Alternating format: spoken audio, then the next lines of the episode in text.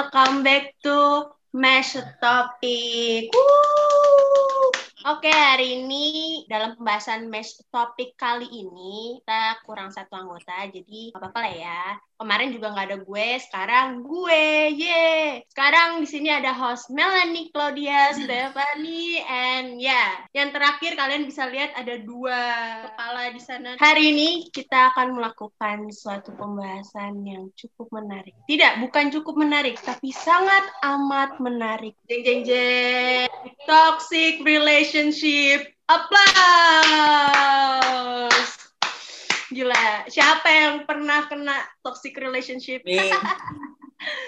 Dari kemarin tuh kita emang nanya apa sih ke followers kita? Bukan cuma followers sebenarnya. Kita udah juga waktu itu sempat ada posting juga di TikTok. Kita adain tempat buat kalian cerita mengenai tentang toxic relationship kalian. Dan itu secara anonim. Nanti kita akan bahas ke depannya apa saja yang sudah mereka tuangkan. Di platform tersebut. Sebelum kita mulai pembicaraan kita pada hari ini, sini gue mau disclaimer dulu kalau misalkan ini adalah bahasan yang sangat sensitif dan gue yakin nantinya kita bakal punya pendapat yang beda-beda dan mungkin juga ada kata-kata yang agak menyinggung atau kurang baik ya mungkin ya mungkin kayaknya sih bakalan kayak gitu karena ini sensitif topiknya jadi uh, mau minta maaf dulu di awal dan tolong jangan sampai terlalu tersinggung atau dibawa ke hati ya mungkin kalau ada positifnya bolehlah diserap ya kalau misalkan ada yang negatifnya tolong jangan diserap ya ini ada ini hanyalah mm, pembicaraan kita mengenai topik hari ini oke okay? kita tahu kita bukan emang bukan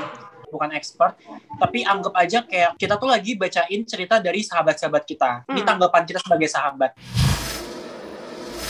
Oke, topik pertama yang akan kita bahas itu mungkin ini dulu sih. Jadi kemarin di Secreto itu ada yang nanya ke kita, ini host-host ini, toxic and healthy relationship itu yang kayak apa sih? Kayak gitu. Jadi mungkin sebelum kita bahas mengenai uh, pengalaman-pengalaman mereka mengenai toxic relationship, mungkin kita bisa bahas terlebih dahulu ya pendapat kita atau pengetahuan kita tentang toxic and healthy relationship itu kayak apa. Ya, silahkan dimulai dari siapa?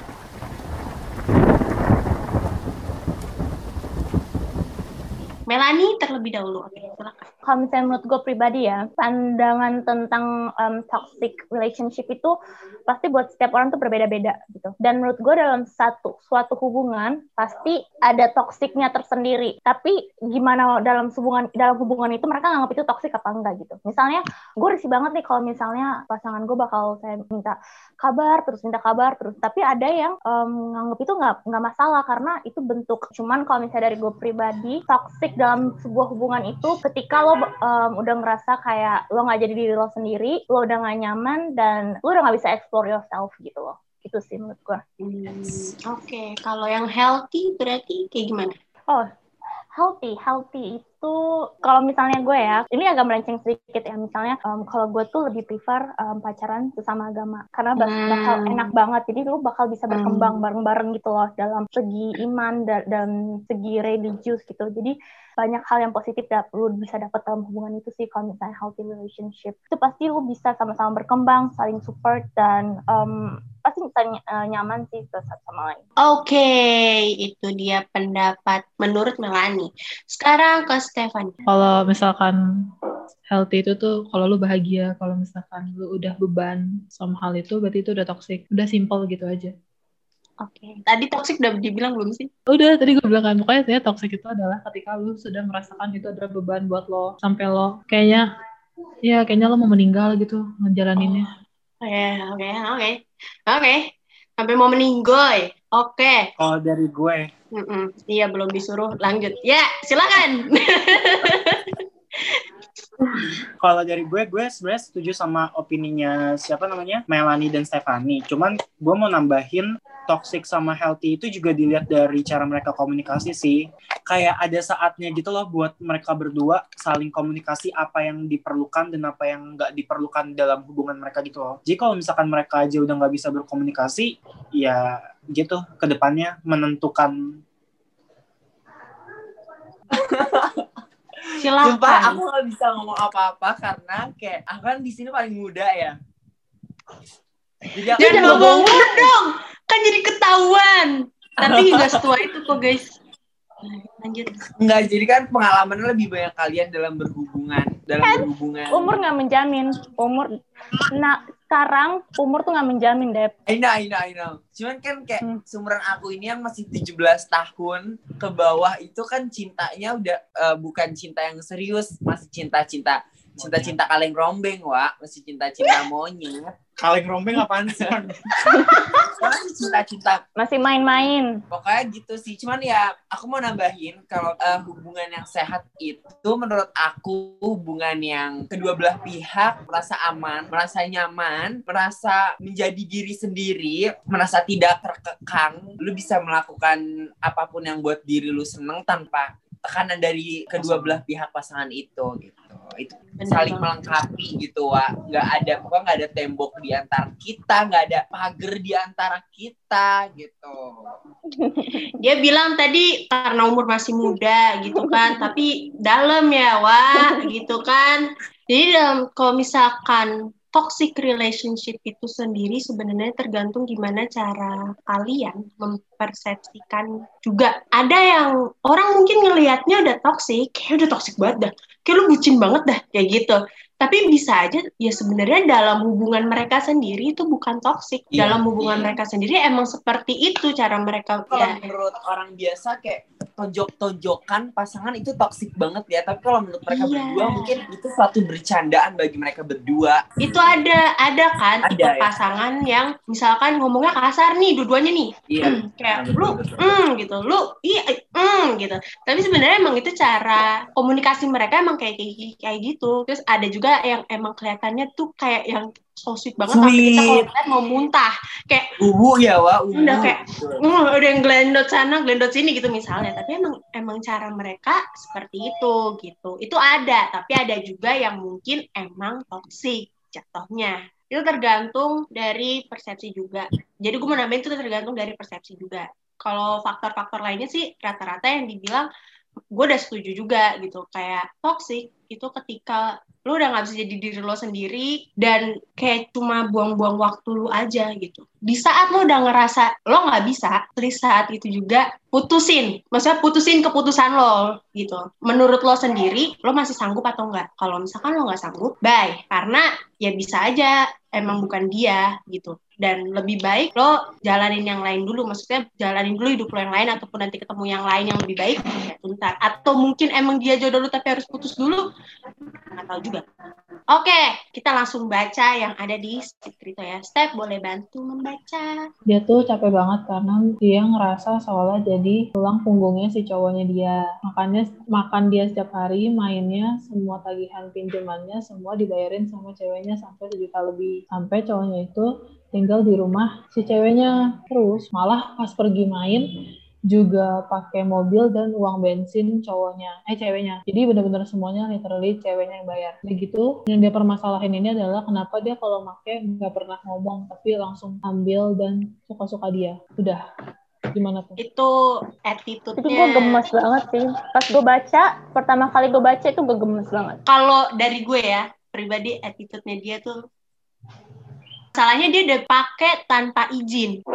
Itu bukan punya lu gitu. Maksudnya itu bukan duit lu. Walaupun dia cewek lu tapi itu bukan duit lu. Kan lu belum jadi pasangan seumur hidup yang disahkan oleh agama dan negara Ya, sopan. bener bahkan kalau udah jadi suami istri pun menurut gue tetap harus izin Kalau menurut gue, menurut gue pribadi ya, harusnya tuh si cowok ini tuh yang bisa ngasih lebih gitu loh, satu persen. Tapi karena di sini dia bilangnya si keluarga cowoknya ini lagi berkesusahan, gue sempat mikirnya kayak, oh mungkin karena lagi berkesusahan, makanya dia kayak gitu. Kalau misalkan pun emang lo lagi nggak bisa, pertama yang bisa lo lakuin, ya lo berusaha cari kerja. Kalau misalkan emang Hmm. nggak diterima-terima di kerjaan, seenggaknya lo punya sopan santun buat minta, buat minjem, bukan buat ngambil gitu. Kalau menurut gue sih itu udah bukan Itu jatuhnya, jatuhnya kayak udah saya enak jidat terlalu nyaman buat ngambil karena terlalu sering dikasih. Kalau misalkan nanti ceweknya miskin, amit-amit miskin gak punya duit, nggak ada apa-apa, ya cowoknya bakal pergi lah. dan mungkin juga ini ya kurang tegas kali ya dia tegas nggak nih ya, eh, sama cowoknya gitu maksudnya eh, maksudnya tegas ya bukan kayak cuma sekedar ya kamu tuh tahu ini duit aku kamu tuh nggak gitu. Maksudnya bener-bener yang kayak ini duit gue kayak gitu. Intonasinya juga harus yang kayak ini duit gue ini punya gue dan itu bisa sebenarnya dengan pemakaian yang tanpa persetujuan tuh bisa dilaporin juga kan gitu. Mungkin bisa lebih tegas lagi kali ya. Tapi gue nggak tahu dia udah tegas apa belum. Kalau emang udah tegas berarti emang cowoknya aja yang ya menurut gue itu mereka udah bukan pacaran tau gak sih? Kayak jatuhnya ya si cowoknya numpang hidup aja sama ceweknya. Kayak parasit. Cuma satu kata doang sih dari gue tahu diri. Udah itu doang. Tahu diri dan tahu posisi.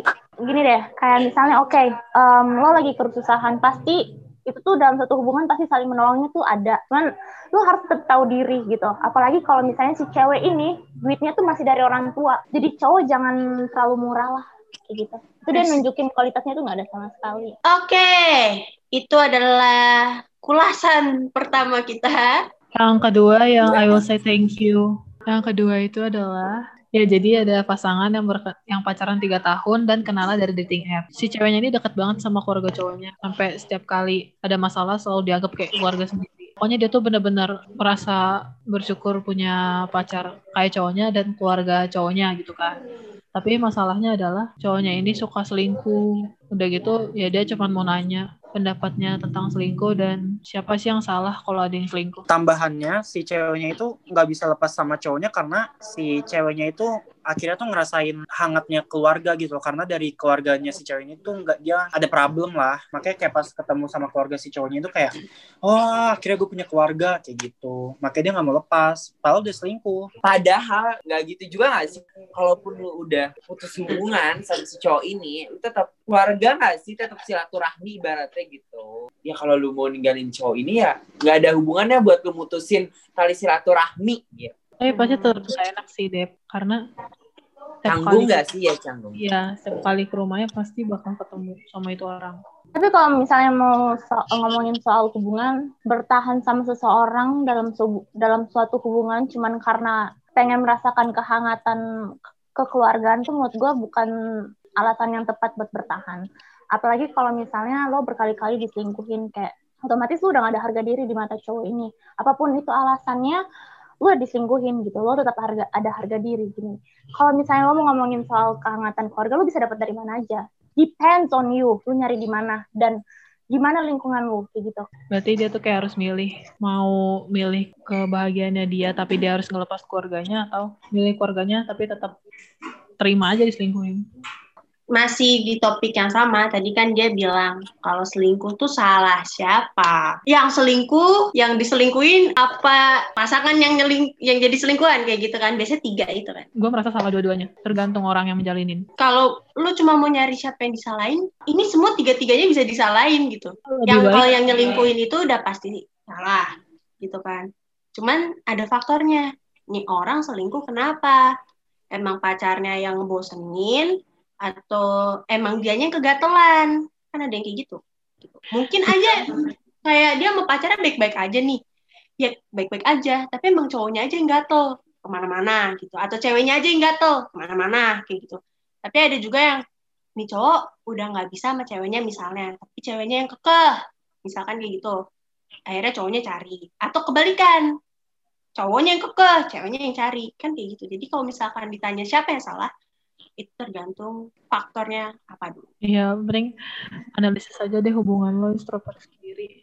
oke Saling perbaiki diri juga ya, Was. Saling Hmm. Pokoknya kalau emang mau nyari alasan, taruh diri lo di posisi dia juga. Bahas harus soal perselingkuhan, gue itu gue tuh nggak pernah mau nyalahin pelakor dalam satu sisi, ngerti nggak maksudnya? Hmm. Karena nggak bakal ada pelakor kalau misalnya nggak ada kesempatan. Soalnya di satu aplikasi itu banyak banget jadi yang kayak gue tuh baru tahu ternyata cowok gue tuh udah punya pacar dan dia pacaran sama si cewek ini lebih lama daripada dia pacaran sama gue. Oh iya, Itu ada tuh beberapa. ada, ada, ada.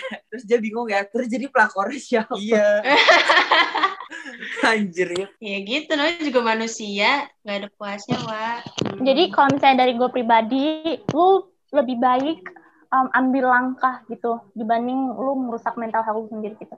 Kayak lu tahu nih cowok ini udah sering nyanyain gue, jadi lu lebih baik cari seseorang yang lebih menghargai lu gitu loh, yang lebih worth it buat kayak gitu. Selingkuh aku tuh kayak nggak bersyukur nggak sih kayak Bisa, kurang banget gitu. bisa. Kurangnya rasa bersyukur di kehidupan dia karena belum puas terus gitu pikiran. Tapi bisa jadi dianya nggak bersyukur atau emang ada masalah sama ceweknya yang dia Ya. nggak bisa tahan. Hmm, bisa. Makanya balik lagi biar hubungan mereka kan mereka yang tahu, mereka yang Bisa. mencari tahu sendiri. Oh, sama saran gue buat si cewek ini eh, lebih peka sama sekitar sih. Ini beberapa kasus ya. Kadang orang yang udah terlalu bucin banget sama pacarnya, dia sampai lupa kalau dia tuh punya keluarga di di luar si pasangannya ini. Kalau misalnya dia ngomongin keluarga-keluarga gitu, gue yakin si cowok ini juga pasti punya teman deket yang udah dianggap keluarga sama dia. Cuman karena si cowok ini dia lupa sama si teman ini. Nah, kadang kadang tuh kita harus juga melihat peka sama sekitar. Gak ada salahnya ninggalin si cowok ini karena lu juga pasti nanti bakal dapet keluarga yang lebih kok. Betul. Oke, next. Baca ya, aku baca ya. Salah satu keresahan in my relationship at the now karena dia nggak mau hubungan kita diketahui banyak orang. Cuma temen deket dan circle kita aja yang tahu. Padahal gue cuma pengen merasa diakui. Biar setidaknya orang di luar sana tahu kalau kita sama-sama udah ada yang punya. Kenapa? Beberapa kali kita berantem karena ada cowok atau cewek dari pihak aku maupun maupun dia yang mencoba mendekati kita gitu. Dan pernah sekali dia sangat merespon si si cewek itu ya. And maybe bisa karena cewek itu nggak tahu kalau cowok aku ini udah taken, ya kan? Memang. Kalau misalnya dia ngomong em, bisa karena bisa jadi karena si cewek itu nggak tahu kalau misalnya si cowok itu udah punya pacar. Tapi em, di kalimat atasnya dia ngomong kalau misalnya cowoknya juga ngerespon. Berarti cowoknya ya dong yang welcome. gue kira awalnya ya awalnya itu dia tuh nggak diakuin bener-bener nggak diakuin banget tapi kan kalau misalnya di sini dia bilang cuma teman-teman dekat. terdekat itu Dan- menurut gue kayak oh ya udah emang emang enggak tuh deh kayak di otak gue buat apa orang-orang tahu gue punya pacar seenggaknya kan karena kalau misalnya gue punya masalah sama pacar gue kan gue ceritanya ke sahabat gue bukan ke netizen ngerti gak sih kalau menurut gue Dia udah cukup diakuin gak sih? iya menurut Iya. gue udah Masalahnya kan cowoknya juga suka ngerespon. Mm-mm. mungkin itu juga kali ya yang yang ah udahlah mending open public aja biar Oh, biar cowok cewek cewek-cewek itu nggak ada yang ganjen atau cowoknya itu nggak ada yang ngerespon Itu rasa kepemilikannya gak ada. Tapi kalau misalnya gue di post cewek ini juga gue bakal perlu dengan tanda tanya gitu. Kayak misalnya lu mau keep your relationship itu private, itu harusnya kesepakatan, nggak bisa satu pihak. Kalau misalnya mau bikin hubungan itu private, harus ngobrol kenapa, harus tahu alasannya. Jadi nggak bisa bikin kayak gue nggak mau nih hubungan kita ada yang tahu, itu nggak bisa. Karena ini hubungan itu bareng-bareng bukan sendiri. Gitu. Hmm. Jadi kalau misalnya si cowoknya maunya kayak gitu, dan si cewek juga tadi si ceweknya juga tadi ngomong kalau misalnya dia bisa aja dia menggunakan kesempatan itu ya. Kalau misalnya kita mau netting bisa jadi dia emang menutupin ya biar dia masih bisa deket sama cewek-cewek lain. Karena dia ngerespon gitu ngerti nggak? Jadi bisa jadi si cewek ini yang tadinya oke lah em, teman-teman kita doang yang deket yang tahu. Cuman karena si cowok ini ngerespon bikin posisinya tuh nggak aman. Cuman kalau misalnya dari gue buat orang ini ya em, lebih baik lu omongin. Kalau misalnya si cowok ini nggak mau diomongin dan alasan yang nggak jelas ya mending bubar aja gitu. Karena hubungan itu penuh harus ada komunikasi dan kesepakatan. Itu aja sih kalau dari gue. Menurut gue permasalahannya itu ya di si cowok ini ngerespon cewek lain bukan bukan publik atau nggak publik. Nah, maksudnya kalau misalkan dia kalau misalkan si cowok ini nggak ngerespon pasti si cewek ini nggak akan mau merasa gue belum diakui ya nggak sih? Dan dia nggak bakal ngerasa kalau misalnya posisinya terancam ngerti nggak? Iya kan Mm-mm. tapi Itu aja. dilihat lagi, ini cowok ngerespon karena apa? Karena emang pengen atau karena ada apa? iya Kenapa juga dia sampai ngerespon orang lain? Gitu. Jadi banyak faktor yang harus dipertimbangkan ya bapak-bapak, ibu-ibu, saudara-saudara yang ada di sini. Yuk, aku baru putus sekitar satu bulan yang lalu. Dia putusin aku karena takut dosa. Ini gue tanda tanya ya. Tapi sampai sekarang aku masih suka nangisin dia. Kayak every night I always think about him. Dan hab- abis itu nangis karena kangen banget. Aku mau move on tapi nggak bisa karena dia cowok pertama yang bisa bikin aku jadi diri sendiri dan yang paling bisa ngertiin aku. Tapi aku hargain hargai keputusan dia untuk sampai di sini aja karena aku nggak bisa berbuat apa-apa lagi selain doa. Aku sebenarnya takut dan belum bisa mengikhlaskan dia kalau seandainya nanti dia bakal nikah with other girl. Sebenarnya gue bingung takut dosa karena apa? Ya, takut dosa, apalagi ya, dosa. ber- ya berarti dia, Dia, putusin aku sih? karena takut dosa tuh. Maaf, kalian beda agama atau Enggak, enggak, enggak. Biasanya itu muslim. Soalnya di mus di muslim kalau Nggak boleh pa- pacaran. nggak boleh pacaran itu dosa. Pacaran itu dosa di Pacaran muslim. itu dosa di muslim. Oh, gitu. Jadi harus nikah. Oh, Karena takut di antara mereka tuh ada perzinahan. Nah, jadi kalau muslim tuh eh, pacaran tuh dilarang gitu. Enggak dilarang juga sesuatu. Takut dosa, menghindari dosa. ta'aruf. Oh, Nah, berarti di eh, muslim tuh ada ta'aruf ya, tapi nggak ada karena kepercayaan ya. Kayaknya ne- next next ini aja deh. Gue Ah, takut Ya banget deh. kalau Itu gitu tunggu tunggu bentar. Kan belum Ya, saya masalah agama. Kita Ah, bukan agama. takut. ya udah ya udah yang tahu perasaan kamu itu kamu sendiri yang tahu mengenai kepercayaan kamu itu kamu dan dia sendiri jadi uh, mungkin bisa dikomunikasikan dan semoga kalau misalkan ternyata memang dia bukan jodoh kamu ya semoga kamu dipertemukan dengan jodohmu kelak Semoga Amin. on. Dan kalau misalkan emang dia jodoh eh, kalau sebenarnya emang dia jodoh kamu pasti dia balik gitu ya. Iya mungkin Amin. gini juga gak sih mungkin gini juga gak sih mungkin karena terlalu muda mereka Iya. pacaran jadi cowoknya tuh kayak Baru Udah, sebulan daripada gue putus. daripada gue meng- daripada gue berzina nih dosa gitu kalau maksudnya daripada gue pacaran nih dosa mending gue kayak eh, mutusin dia terus suatu gue udah sukses suatu saat gue udah punya sesuatu gue bakal datang nih ke dia gitu Tadi kan dia ngomongnya kalau misalnya berarti cowoknya kan yang mutusin. Tapi kalau misalnya cowoknya udah menggunakan alasan itu untuk memutuskan si cewek ini dan ternyata deket dengan cewek lain, berarti dia brengsek. Berarti lu harus move on. Ya, Nggak ada alasan lain titik. ya. Harus That's langsung move on. Berarti alternatif cari tahu dulu nih si cowok udah punya pasangan lagi apa belum kalau udah ada pasangan lagi udah berarti nggak ada waktu lu buat move apa nangis nangis lagi Aku berada dalam hubungan hampir 2 tahun. Dia pernah selingkuh, tapi aku nggak mau putus karena kita pernah melakukan sesuatu. Sesuatu di tanda kutip.